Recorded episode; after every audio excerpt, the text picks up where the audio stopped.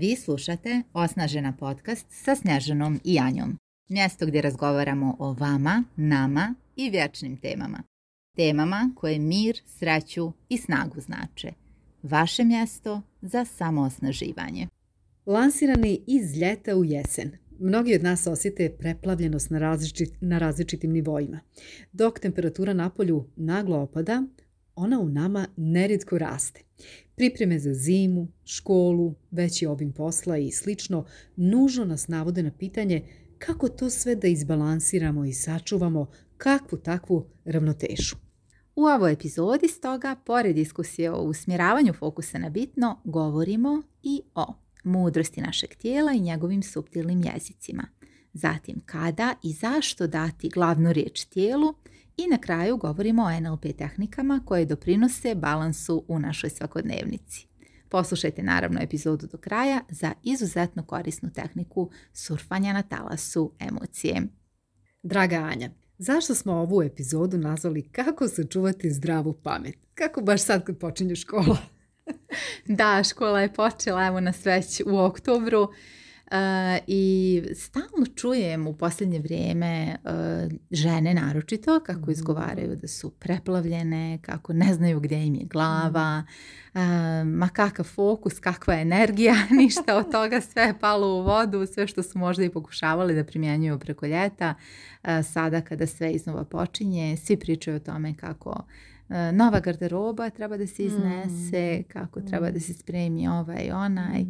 Um, ali sve ono što su radile preko ljeta čini se da, da su ostavile iza sebe i meni nekako bude baš žao. Jeste mi zbog toga pomalo tužno jer mi bude žao ovaj, zbog toga, a negdje sam sigurna da zaista ne mora tako da bude, odnosno da evo jesen baš možemo da iskoristimo kao sjajan jedan period za rekapitulaciju svega onoga divnog što mm. smo uradile preko ljeta i ako nismo, ako se nismo dovoljno odmorile da Sad ponovo postavimo neka dodatna, vrlo korisna pitanja šta bismo to drugačije i kako možemo drugačije. Ja volim reći, jesen kao neka mala, nova godina. Baš Za Sad taj period možemo baš lijepo da iskoristimo upravo za nove navike, nove ciljeve i tako dalje. Upravo tako i za jednu odličnu pripremu evo za svođenje računa za, za kraj godine jer e, znamo već da oni ciljevi koji se postavljaju u decembru i januaru rijetko kada rade i nekako na njih stavimo prevelik intelektualni pritisak, ostavimo tijelo po strani, zanemarimo da navike ne nastaju za mjesec dana, rijetko koja mm zaista da nastaje za mjesec dana. E, I evo sad prilike da uradimo stvarno mhm. nešto drugačije ove godine, da ne čekamo ni taj mhm. decembar, ni januar, e, ovo je, pa ja bih rekla možda posljednje zvono, oktobar je super, super onako, ali neki početak e, što se mene tiče za, tu rekapitulaciju. Evo, ja sam tebe htjela da pitam, s mhm. obzirom da imaš sina koji ide u školu i ovaj, znam da imaš mnogo i poslovnih izazova. Kakva je za tebe ova jesen? Kakav je početak jeseni? Pa evo, ja moram reći, mhm. zahvaljujući ovim znanjima koje primjenjujemo, sve lakše i lakše iz godine u godinu. Naravno uvijek postoji onaj jeli, početak koji je malo onako pod pritiskom, pogotovo početak školske godine, međutim evo, zahvaljujući tom nekom istreniranom fokusu kako da mhm. menadžerišem svoju energiju, kako da se organizujem, kako da upravljam svojim eh, vremenom, eh, u mnogome je taj početak, mogu reći, eh, lakši i moram priznati da nekako sad ono, više unaprijed razmišljam, odnosno strateški pripremam, planiram i tako dalje, jer onaj period ljeta i one bezbrižnosti, spontanosti, mhm. uživanja je prošao i potpuno drugačiji je li ovaj način života mogu reći svakodnevnica izgleda drugačije sada kada je jesen kada imamo više obaveza ja to prihvatam ok na početku bude malo neke preplavljenosti minimalne ali kada shvatim šta se dešava i da će to trajati kratko prihvatim mhm. i idem dalje planiram organizujem jednostavno kao, kao nekakav shift u, da. u funkcionisanju ovaj, se desi i u potpunosti kada, kada se pomirimo s tim i razumijemo o čemu se radi, onda mi bude lakše, kažem sve, iz godine u godinu, zahvaljujući znanjima koje primjenjuju iz NLP-a, iz coachinga, self-coaching je nešto što ja često također primjenjujem, zahvaljujući naravno i našim razgovorima. Pa i evo ovom podcastu, posle toliko godina i toliko edukacije, koliko toga sam naučila samo iz našeg podcasta. I dok razgovaramo, a kasnije i dok e, radim na produkciji, no svaki put malo a ovo sam mm-hmm, propustila mm-hmm, dok sam mm-hmm. pričala, da, ovo je super. Tako da e, koristim priliku tokom cijele godine naravno, ali ja je posebno ovako zgodna da uh, napravim rekapitulaciju i da konstantno, odnosno nastavim da učim, da nastavim da se usavršavam, da optimizujem svoje, da kažem, vještine, planove, kako da što bolje funkcionišem, jer sam odgovorna i za sebe, ali i za svoje dijete i naravno da je mhm, mhm. važno da, da mi fokus zaista bude laserski. Da, e, baš mi je drago što si to spomenula. A evo čujem nas obje kako spominjemo već u više navrata tu preplavljenost mm. i onda mi se nekako prirodno nameće e, tema emocija kada govorimo da o svemu ovome mhm. i kako u stvari kada, i, kada nam je fokus, kada nije baš laserski kada nam se čini da ne može da bude, odnosno kad sve nešto oko nas krade taj dragocjeni resurs, fokus i kada u nekim trenucima dana zaista mora da bude podijeljen jer kad tri osobe istovremeno traže nešto od nas, mislim nemoguće je da ga odbranimo nekada, da se mm. ne mhm. lažemo. I onda naravno dolazi na djelo emocionalna preplavljenost koja je nešto što je meni ovaj, onako baš dobro poznato iz, iz slične prakse eh, i što sam evo sad nakon godina i ovog istraživanja i ovog rada eh, zaista dovela na minimum. Mm. Eh, ne mislim da ikada treba da prestane da mhm. kažem ja sad sam ono potpuno zen mirna, da mhm. želim to u životu vjerojatno bih otišla negdje da. se zamonašim ili biram ovaj, biram ovaj život ovako haotičan da, da, da, haotičan da. da, sa svim svojim ovaj, senzacijama i sa svim što nosi i biram da duhovno rastem u mhm. takvom okruženju i biram samim tim da upravljam tim emocijama. Jer mhm. bez e, kapaciteta za upravljanje naravno prvo mislima, mhm. pa onda samim tim i mhm. emocijama, e, dosta je teško e, očuvati fokus na bilo kom planu. Baš ga je teško očuvati, ja bih rekla gotovo nemoguće. Jer ako mi dozvoljavamo svojim mislima i svojim emocijama da nas vozaju i talasaju onako kako stignu, onda stvarno na kraju dana Eh, jako teško ćete zaspati u miru, eh, mhm. jako teško da nećete doći u iskušenje da jedete kad možda niste suštinski gladni, odnosno da ne prepoznajete, da ne mhm. pravite više razliku između toga kada zaista jeste gladni i treba da nahranite svoje tijelo, a kada jedete emocije odnosno zataškavate ih. Amerikanci imaju super jedan termin buffering emotions. Šta bi to trebalo pa znači? Pa to bi, to bi u stvari bilo e, sve ono što... E, sve ono čime zataškavamo emocije.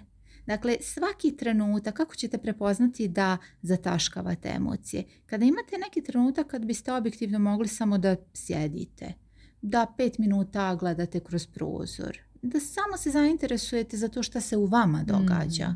Možda senzacije u tijelu i slično. Evo sljedeći put kad se to desi, kad se uprazni takav prostor, posmatrajte sebe kao nepristrasno biće, šta, e, za čim posežete, šta radite.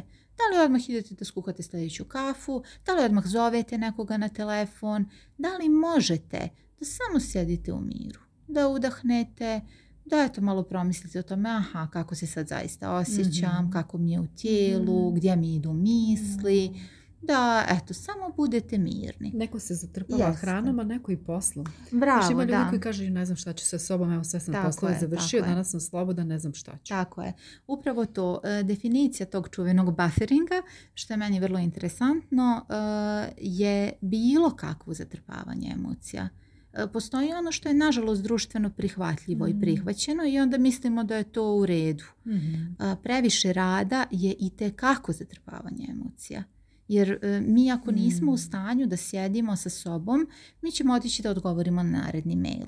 Mm-hmm. I to je mnogo lakše kada je uvježbano nego da sjednemo i da kažemo je, ovo je trenutak za mene, jer ću onda u sljedećem trenutku moći taj fokus da birano usmjerim, mm. odnosno da usmjerim na šta ću konkretno, mm-hmm. da, da biram na šta ću konkretno da usmjerim taj svoj dragocjeni resurs. E, buffering je dakle i previše rada, pa šta god, znate, za nekoga mm. previše seksa, za nekoga previše društvenih kontakata, za nekoga previše izlazaka, šta god, skrolanje po društvenim mrežama, to je ono da, da ne mm. govorimo, ne znam kome se još, evo dignite ruku ako, ako se ne osjećate krivim za to, ali e, zašto se to da E, zato što je, društvene mreže su naravno, sad ovo ništa novo, svi to znamo, napravljene tako da nam privlače pažnju.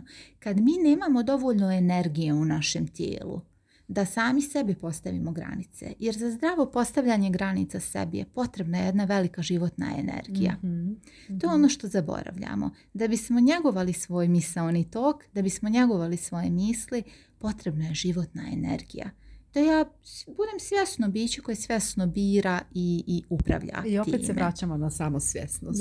to često ponavljamo. Opet je samosvjesnost početak svih tih procesa. Uvijek. Tako i to jeste naš prvi Uvijek. modul samosvjesnosti samopouzdanje. Jer ako mi e, radimo na samosvjesnosti, mi u stvari njegovamo i tu neku metasvijest koja može da mm-hmm. upravlja našim fokusom u našu korist na kraju krajeva. Jer lutajući um opet je na neki način nesrećan um. Um koji je fokusiran. E, jako je važno da upravljamo svojim fokusom. Nebitno sada. Da li je u pitanju samo rad, da li je odmor, ali mm-hmm. e, evo, sama, se često provlači kroz, kroz naše razgovore kao početak svih učenja. Odlično što si to spomenula i evo također možete da se zapitate koliko e, mi u toku dana e, lutaju misli. Koliko sam stvarno, stvarno zadovoljna, nikome to ne morate da kažete, nego mm. zaista zadovoljna na kraju svog dana, koliko često ga onako svjesno rekapituliram i kažem, e, danas je super to urađeno, evo mogu fino, na počinak, spremna za sljedeći mm. dan i s druge strane koliko, koliko dugo već to ne radite. Mm. Znate, nekada je bolno uopšte da se suočimo sa tim da mi svoje dane onako protrčavamo kroz mm. njih, polusvjesni ili nesvjesni mm. e, i nekada se teško u to zagledati. Meni prvo je bilo užasno teško jer je dosta tužno. Znate, ono kao kome pripada ovaj moj život, kome pripada ovo moje vrijeme ako ga e, svjesno ne biram. I onda, pošto je to toliko E, nerijetko tužno i bolno, e, ne zagledamo se u to, ne boravimo neko vrijeme sa tim i onda e, posljedično idemo u jedan začarani krug zatrpavanja tih emocija, mhm. taj čuveni buffering ili neko bi rekao jedem emocije i slično. Jedemo emocije pod navodnicima, opet ponavljam bilo čime. Vrlo često, to primjećujem kod žena, kod klijentica sa previše rada. I vrlo često... A to je društveno prihvatljivo. Ono apsolutno, to je društveno prihvatljivo i eh, na ovim prostorima isto također eh, vrlo društveno prihvatljivo da žena ima ulogu žrtve. Mhm. Pričali smo nekada o dramskom trouglu, poslušajte naše prethodne podcaste koji su isto odlični. Ja sam li žrtva, progonilac ili mhm. spasilac, imate jednu od prvih epizoda. Eh, ja bih rekla da je odličan uvod za sve ovo o čemu pričamo. Ako ste u nekoj od tih igračnih uloga, razmislite o tome. Zašto? Zato što kada imate tih nekoliko minuta za sebe, šta sa njima radite? Da li odmah zovete nekoga da vidite li sve u redu s njim? To je tipični obrazac žrtvene uloge. Mhm, mhm. Da li je sve u redu, da li je, znate kao ja sad treba nešto da radim, ja treba nekoga da spasavam, a u suštini sama nisam spasena pošto na kraju dan recimo da li vidim da imam tremor ili mm. ujutru kada se budi možda imam već neke adrenalinske mm. navale. Nekome je nažalost od ujutru odmah potrebno da, da se smiruje na neki način. Neko ne može da se smiri naveče. Eto, sami sebe jeli čekirajte, istražite gdje ste na tim svojim emocionalnim valovima. Da, konektujte se da. sa tijelom jer tijelo je nesesni um i ono šalje signal Signalen. Tijelo je, evo, u posljednje vrijeme ja sam toliko srećna mhm. zbog vremena u kojem živimo. Ne mogu da vam opišem koliko sam srećna i koliko sam zahvalna zaista, jer istraživanja, svijet ubrzano napreduje. Zaista, nakon ove 2020. godine dešavaju se fenomenalne stvari u tom smislu da jednostavno svijest ubrzano napreduje, mhm. kolektivna svijest ubrzano napreduje. Za nekoga je to pretjerano stresno. Što su obrazci i nepoželjne navike mhm. snažnosti? snažnije, to je stresnije. Mhm. Tako da to imate na umu. Sa vama je sve u redu, samo što će nivo vaše samosvjesnosti i mogućnosti upravo da, da surfujete na tim valovima emocija, ali vaš kapacitet, vaša fleksibilnost, odrediti koliko ćete iz toga izvući dobre e, pouke za sebe to će biti presudni i ključni faktor. Ne ono što se dešava s polja, nego ono što se dešava u vama. Da, kako upravljamo sobom yes. i uopšte svojim emocijama. E, šta bi onda bio pojam e, surfovanje emocijama, odnosno na emocijama? Da, imate jedna sjajna tehnika koja se koristi u različitim psihoterapeutskim pravcima, pa sve više i u NLP-u i koja u stvari govori o tome da svaka emocija ima svoj val kao talas, ajde na neki mhm. način. kažemo da emocija ima e, kao, kao talas koji možemo da ispratimo. Da je kao svaka Jeste, kao neku amplitudu, bravo, da, to je mhm. riječ. E, uglavnom da emocija počinje, jel tako, na neki način i onda se zahukta, imamo neki pik talasa, znači imamo kad smo na vrhu talasa i imamo neko opadanje. Mhm. E sad, e, ovo je jako dragocjeno znanje zato što i svaka navika funkcioniše po ovom principu. One navike koje su nam nepoželjne i kad nam se čini to sam ja, znate, ja sam neko ko je pušač i dovedemo to na nivo identiteta. I ja ne mogu toga da se riješim. Šta se u stvari dešava? Da to ne pocijenjujemo, naravno, jer e, potpuno je razumljivo da mi vjerujemo da to ne možemo. Sad, tu sa tim substancama, to je možda malo kompleksnija priča iz razloga što tu ima i biohemija mm, već upletena i svašta nešto. Ali evo, hajde da uzmemo taj primjer kao jedan val e, emocionalni koji se dešava. Ja sam navikla, na primjer, na taj osjećaj, e, na taj osjećaj da nešto vrtim po svojim prstima. Ja imam tu potrebu i cijelo moje tijelo i cijela moja fiziologija je navikla na to strašno, imam tu potrebu. I ja osjetim tu potrebu, da li da nešto grickam ili da recimo recimo uzmem tu cigaretu ili da nekoga nazovem što god bi bilo u tom nekom praznom prostoru. Ali nešto se preradi kroz tijelo. Nešto da mhm. se preradi mhm. kroz tijelo. Čini mi se da ukoliko ostanem samo sa sobom tako mirujući ili dišući da će nešto loše da se desi. Mhm.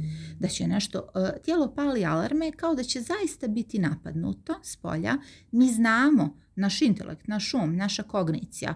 Sad da se pitamo, mi znamo da to nije tako ali to nama mnogo ne znači u tom trenutku jer tijelo je mnogo jače. Mhm. Um ima 10% kapaciteta, ako i toliko, mhm. i to je sasvim fair omjer.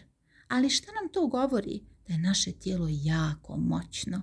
I mi vrlo često zanemarujemo moć tog talasa, te emocije.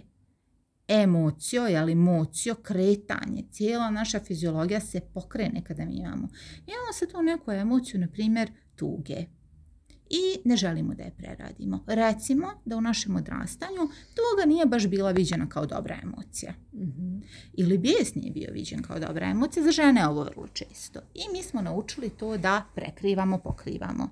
Da se ne bi naljutili roditelji, da se ne bi naljutio učitelj, profesor i tako dalje i onda to uzme maha cijeli život i nama se čini da smo mi pušači, da smo mi genetski debeli ne dovodeći u pitanje da li ne znam nešto grickamo cijelo. Da, i sasvim legitimno. Sad zapitajte se za šta ste se etiketirali tako u životu. Mhm. I sljedeći put kad posegnete za nečim što ne mislite da vam je prijatelj u životu, a to i dalje radite jer mislite da će se nešto ozbiljno loše desiti, ako ne ako ne reagujete u skladu sa tim impulsom koji dobijete, sa tim emocionalnim nabojem, sa tim talasom, vaše cijelo tijelo vjeruje da će stvarno biti nešto strašno.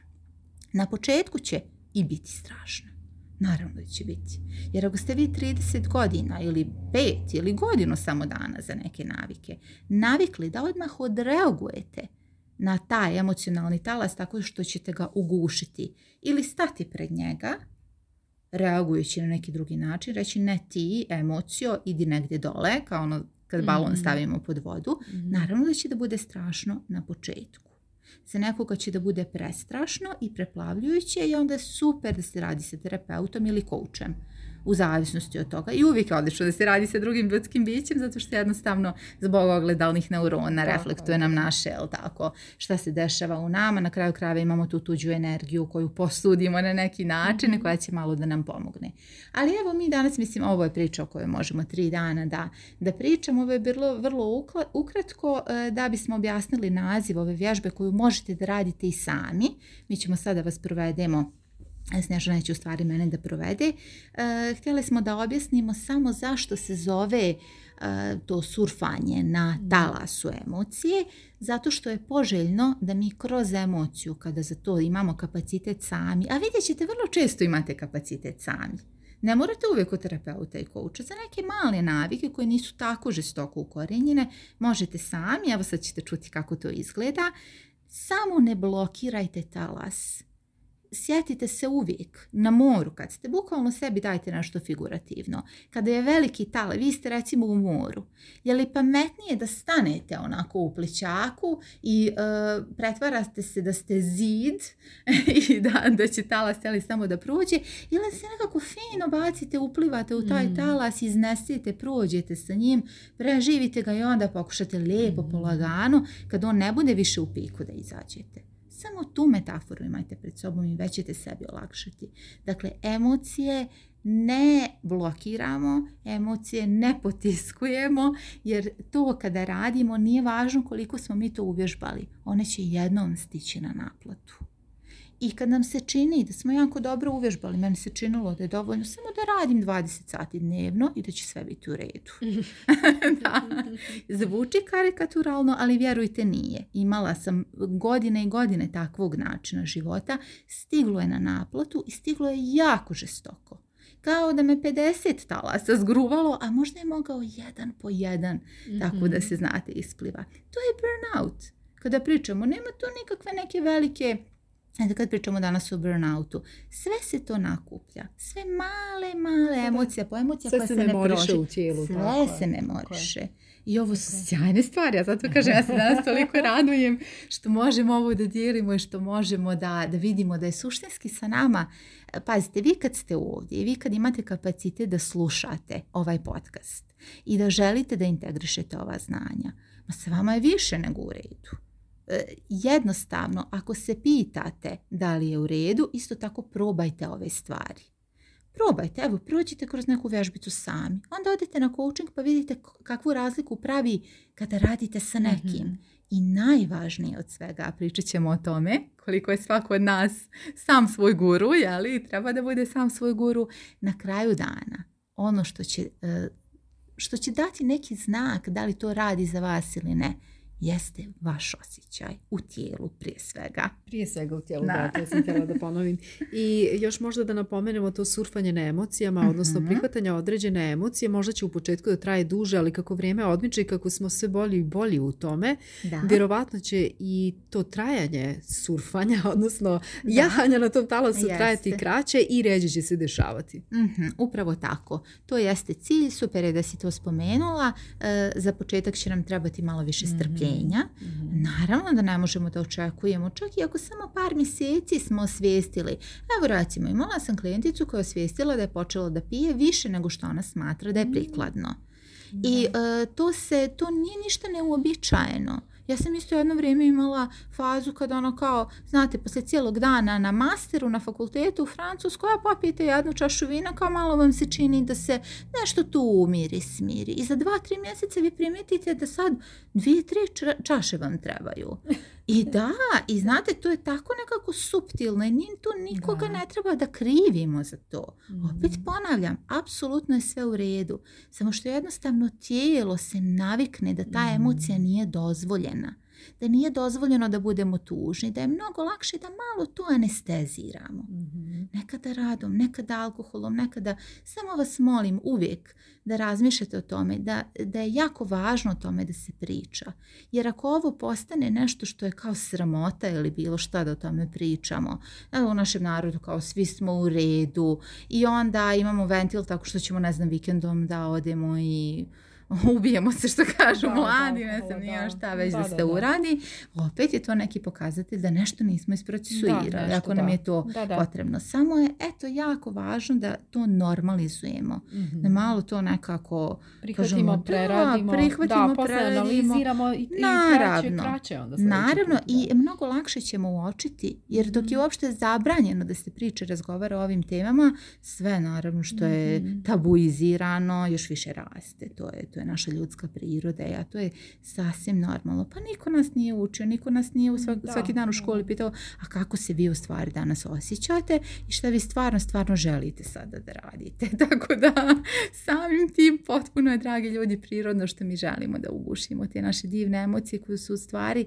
na kraju dana naš najbolji glasnik šta se dešava u tim mm. našim sjajnim umovima i sjajnim tijelima i e, opet ponavljam fenomenalno što ste tu i fenomenalno što imamo ovakve razmjene i mogućnost danas da to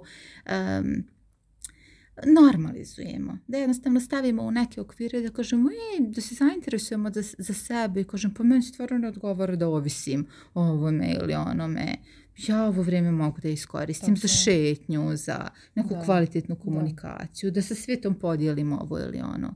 Pitajte se na kraju dana da li su to iskustva koja birate za sebe.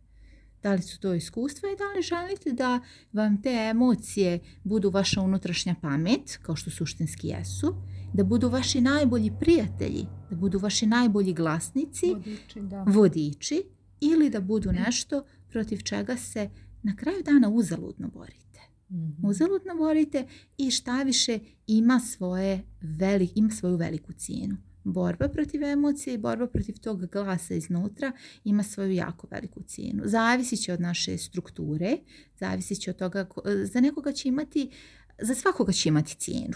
Za nekoga će imati cijenu da ne živi svoju autentičnost, ne živi mhm. svoju svrhu, ne živi svoje potencijale i svoju kreativnost, svoje talente, sve ono predivno što može da da od sebe, a za nekoga će imati veliku e, cijenu na, na nivou fizičkog bića u vidu recimo burnouta. U svakom slučaju razmislite. da li ste voljni da platite bilo koju od ovih cijena, ako već ne morate. Evo, mi smo tu da vam kažemo da ne morate. E, koliko tehnika reframinga može pomoći u takvim situacijama kada primijetimo određenu emociju koja u stvari dolazi kao glasnik na neke prošle događaje koje smo mi tumačili na određeni način? Koliko nam može pomoći reframing iz NLP-a? Da, e, stavljanje, e, super je što si to spomenula, e, stavljanje stvari u neke druge okvire je uvijek poželjno. Po mhm. meni je uvijek poželjno. Neko će reći, evo sad hajmo neki primjer banalan reframinga. Recimo, ja, meni se uvijek dešavaju, obično ide kroz neku generalizaciju, mhm. meni se uvijek dešava to da nemam parking mjesto ili meni se uvijek dešava mhm. da ne znam, takve imam ljude u komunikaciji teške i to mhm. slično. Onda možemo sebi prvo da razbijemo tu generalizaciju NLP-ovske pa da kažemo da li baš uvijek, da li postoji neka dobra namjera i onda da stavimo neki drugi okvir u to. Aha. Drugo tumačenje. Drugo tumačenje, jeste. Pa evo i drugim ljudima, to je danas takav dan, danas je gužva, možda me to uči ovome ili onome, da mhm. malo porazgovaramo sa sobom. Međutim, kada su emocije već na svom piku, mhm. jako je teško raditi mhm. reframing, da se razumijemo. Znate, nekim ljudima, neki ljudi se jako ljute, već su u toj fazi kad su jako ljuti na ova znanja i kažu, ma da, možda to vaš radi za vas tako, koji ste već, ne znam, ni ja srećni, što god u životu i prave sebi dodatnu blokadu bez da su probali. I to je u redu da smo ljuti. Suštinski opet ljuti smo na sebe što nismo blagovremeno kanalisali, ili tako, te neke... Znači treba majstorski kalibrirati otprilike intenzitet te emocije i onda odlučiti kako Tako je, kad su emocije uzavrele i kad su navike već tako ozbiljne, ja bih uvijek rekla, hajte malo samo samilosti prema sebi mhm. i tražite da porazgovarate sa nekim ljudskim bićem koji će vam samo, ne zato što neko zna nešto bolje o vama od vas, to apsolutno nikada neće biti istina. Niko ništa ne zna bolje o vama od vas. To je nemoguće. Nema spoljnjeg autoriteta. Nego samo relaksirajte situaciju. Otiđite mhm. samo da da vas neko pita nešto i da vi sebi date oduška i da čujete prave svoje misli. Da li stvarno ima razloga za toliku mm. ljutnju i za to, toliku autodestruktivnost mm-hmm. usmjerenu ka sebi? I da malo krenete i da možda onda se vratite na ove tehnike poput evo reframinga, poput evo ovog talasa, submodaliteta i tome slično. Da. Jeste sve ono divno što, što možemo da naučimo i što mm. možemo da primjenjujemo. Ti si na početku epizode spomenula da vrlo često pribjegavaš self-coachingu. Self-coaching je fenomenalna stvar, samo što treba doći do kapaciteta za self-coaching. Hajde da pokažemo kako se radi. Duše ti ćeš sada imati vodiča, odnosno yes. kouča, ali dobit ćete pitanja i u opisu epizode, tako da. da sebi možete postaviti sljedeće pitanja kada osjetite određeni poriv. Anja će sada biti mhm. klijent u ovoj e, situaciji, ja ću biti njen kouč. I moje prvo pitanje za Anju je kako bi opisala neki svoj određeni poriv i o čemu se tačno radi. Mhm. Eh, ja ću odmah eh, uokviriti ovu mhm. situaciju i reći da trenutno eh, nemam ništa ozbiljno na čemu bih mhm. radila. Vratit ću se na period od prije neke 3 do 4 godine kada sam imala strašan, snažan poriz za koji sam smatrala da je nešto što je sasvim u redu, što je dio moje ličnosti i protiv čega ja ne mogu ništa, da sam ja jednostavno sazdana tako da svaki trenutak mog dana bude apsolutno i maksimalno produktivan i mhm. da ja jednostavno moram da radim i da ja moram da odgovaram na mailove blagovremeno. Znači u tom trenutku kad mi je nešto poslato, kad nešto zazvoni, da ja radim. Znači taj poriv, ću evo da odgovorim na tvoje pitanje, definisati kao poriv da um, neprestano radim. Da radim do iscrpljivanja. Mhm. Šta mhm. si tada primjećivala u svom tijelu? Možeš li nam opisati senzacije? Mhm. moje tijelo u trenucima kada prelazim na neki naredni zadatak, a to bi obično bivalo bez ikakve pauze, bez ikakve, eh, bez ikakvog prirodnog prekida između dvije, recimo potpuno različite radnje, na primjer radila sam na nekom eh, međunarodnom projektu i onda iz toga uskačem dalje na rad na svom doktoratu. Mhm. Bez imalo pauze i radi se recimo o nekom radu koji traje već 6-7 sati neprekidno. Eh, primijetila bih samo u periodu eh, jedne potpune iscrpljenosti kada tijelo više ne može da procesuira jednu veliku nervozu Mhm. Jednu veliku, pa mogla bih da kažem čak i neko blago podrhtavanje mhm. i često bi se manifestovalo kao titranje želuca. Mhm, Eto, tako bih to opisala, da. Koja su osjećanja pratila te senzacije? živo mi je jako to osjećanje, iako radim retroaktivno, dok pričam o toj emociji, ona se ponovo budi u meni, ljutnja. Mhm. velika ljutnja e, usmjerena ka sebi. Da li još neka emocija postoji? Da, u suštini e, ispod te ljutnje je neka tuga. Mogu da kažem kad bih, kad bih sebi dala vremena da samo malo ostanem tu tako, bila bi neka tuga i neki osjećaj nedostatnosti. Neki osjećaj da nešto nije završeno, da nisam dovoljno dobra, da nisam dovoljno produktivna, vrijedna, sve što, sve što uz to ide. Da. Koliko je bila jaka ta emocija na nekoj skali od 1 do 10? Mhm. Uh, vrlo intenzivna, nekada je znala da bude ovaj, da, da onako skalira između 6 i 9. mm Čak do 9 je znala da ide, da i kada bi tu emociju posmatrala kao talas, gdje bi se nalazila na tom talasu? Mhm sad dok prolazim sa tobom, iako je, ali uslovi su takvi kakvi jesu, samo mi potvrđuje koliko je kada oživljavamo, kada mhm. pričamo samo o nečemu, mhm. koliko je ponovo živo u našem tijelu. Tako da evo, još jedna mala napomena za slušalci da pazimo i šta evociramo i o čemu pričamo, i, jer suštinski naše tijelo to uvijek proživljava i, i osjeća. pitala si me, izvini, možeš još jednom da ponoviš koliko mi je kad bi bio talas, jel? Da. Mhm. Kada bi tu e, mhm. emociju posmatrala kao talas, gdje bi ti bila na tom talasu?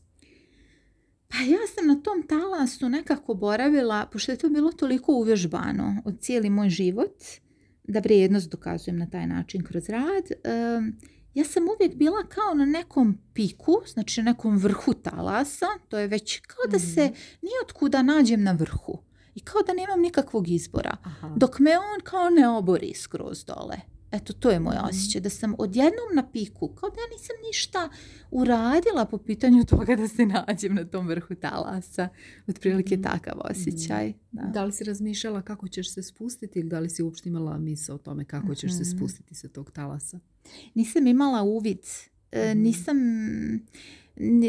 samim tim što nisam imala e, percep, nisam imala svijest o tome da sam uvučena, mm-hmm, da mm-hmm. to u stvari nije neka nasušna potreba da ja radim, jeli, nego da je to jeli, uvježbana jedna navika.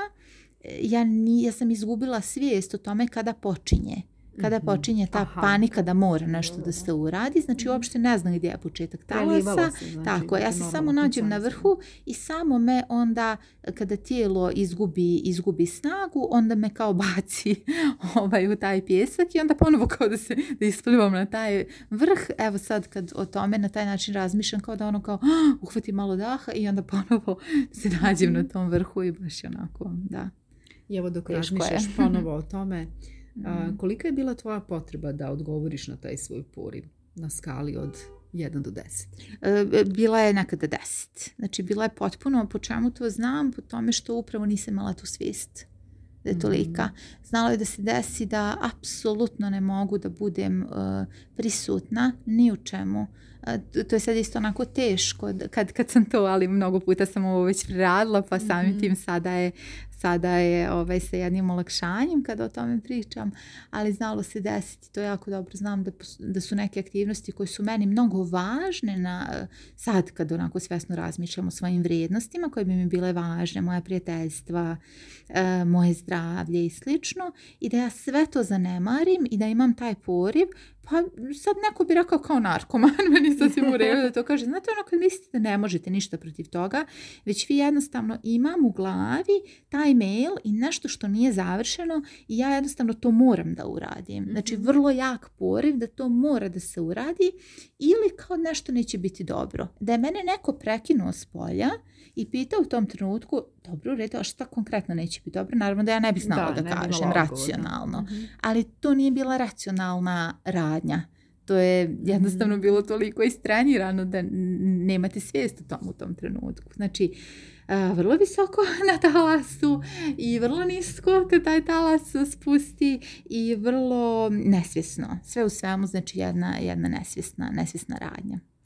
Šta bi se mhm. desilo da nisi razmišljala ili da nisi imala potrebu da odgovoriš na, na taj poriv? koliko bi to za tebe bilo podnošljivo? Ono, jedan podnošljivo, deset nepodnošljivo otprilike. A u tom trenutku se činilo kao potpuno nepodnošljivo i onda recimo kada tijelo ne bi imalo konkretno kapacitet za rad, što se naravno isto dešavalo nakon nekoliko dana nespavanja, mm tijelo nema kapacitet, onda bi se prelazilo u neku drugu radnju uh, potiskivanja emocije. Naprimjer, um, ja nisam tad scrollovala jer mi je to isto kao bilo neprihvatljivo, ali sam, na primjer, znala da dva sata sjedim i grickam nešto. Znači, nema nikakve veze sa fizičkim osjećajem gladi, već je mhm. tipično jedno zataškivanje, mhm. prerađivanje, jeste. Znači iz rada bi onda prešlo u neku drugu vrstu, na primjer, grickanja evo možda se neko prepoznaje, pričala sam sa ljudima koji jednostavno toliko rade i toliko se izrabljuju da onda nemaju kapacitet, na primjer, za neko zdravo druženje, za neku mhm. finu šetnju, da se pripreme neki lijep zdrav obrok i slično. Mm.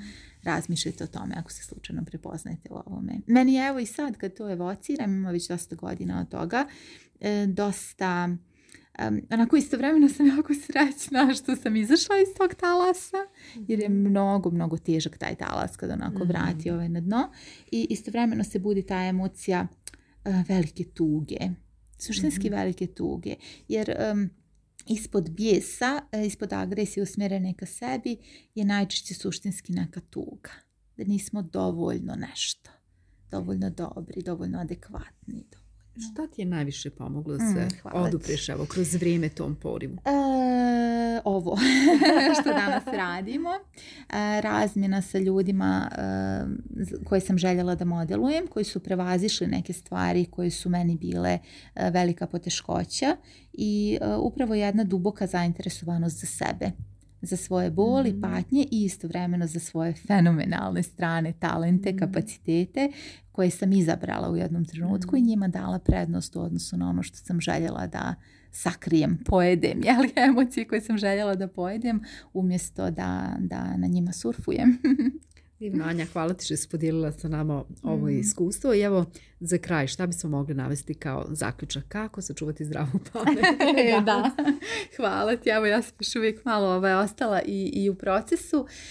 I samo želim da vam kažem za kraj, ukoliko birate da ovo, na primjer, uradite sami, to možete, tako što ćete se vratiti, zapisati sebi ova pitanja, možete da dajete napismeno odgovore, a možete isto tako da odgovore sebi izgovarate na glas. Možda je neko više audio auditivan, mi vrlo često spominjemo to zapisivanje kao zaista blagodetno i vrlo važno, mhm. ali ako je neko poput mene jako auditivan, može da izgovara na glas. Isto ima dosta dobar učinak. Mhm. Važno je samo da bude izrečeno ili da bude zapisano. Izmišteno iz nas. Upravo mhm. tako, bravo. Izmišteno znači iz uma. Ne može da bude izgovoreno umu, to ne radi ništa, to ne. dakle, nema, nema ovaj, te vrste pregovora ili ćete napisati ili ćete izgovoriti. I e, ova konkretna vježba, ukoliko, na primjer, jer ja sam je naravno uradila jako puno puta ovu i još sijaset drugih mhm. NLP terapeutskih i različitih vježbica ove vrste i meni je sada uvidi su tu, sve to zvuči onako poprilično jednostavno, ali vrlo dobro znam da i tekako nije jednostavno za početak. E, ako e, imate povjerenja u proces da idete sami, možete i možete da prođete kroz njega nekoliko puta. Mhm, mhm. Isto tako, ukoliko radite, na primjer, sa nekim, sa koučem, isto možete da se zadržite koliko god vam je potrebno da dobijete odgovor na neko pitanje, da budete mhm. strpljivi. Možda nemate u ovom trenutku odgovor na to pitanje. To je sasvim u redu. Mhm. Da se ne uhvatite sada u nekoj Znate kao, evo ja sam to završila za pet minuta, pa i vi trebate. Ne, ponovite 5, šest, sedam dana za redom. Samo budite strpljivi da dobijete svoje odgovore. Da je proces, da. Tako je. Tako je. I ovo kad si pitala šta je potrebno, da, zaista vratila bih se u to. E, jedno zdravo okruženje je potrebno zdravo okruženje, ljudi koji e, vjeruju u sebe, imaju kapacitet da vjeruju i u vas i onda će oni fino da zrcale, volim taj kroatizam ovaj, jer ne znam neku, neku, bolje, ovaj, neku bolju riječ za jednostavno taj efekat ogledalnih neurona kada mi u drugim ljudima prepoznamo da mi itekako imamo kapacitet da budemo ono nešto više, ono nešto što nas mm. žulja jer mi ne bismo jeli emocije da u nama ne postoji mm. nešto više što nas zove. A zašto je bitno birati okruženje? Možete poslušati i u našoj epizodi Okruženje je zarazno. Odličan savjet za kraj. Hvala ti Anja puno. Mm. Srećno! Srećno!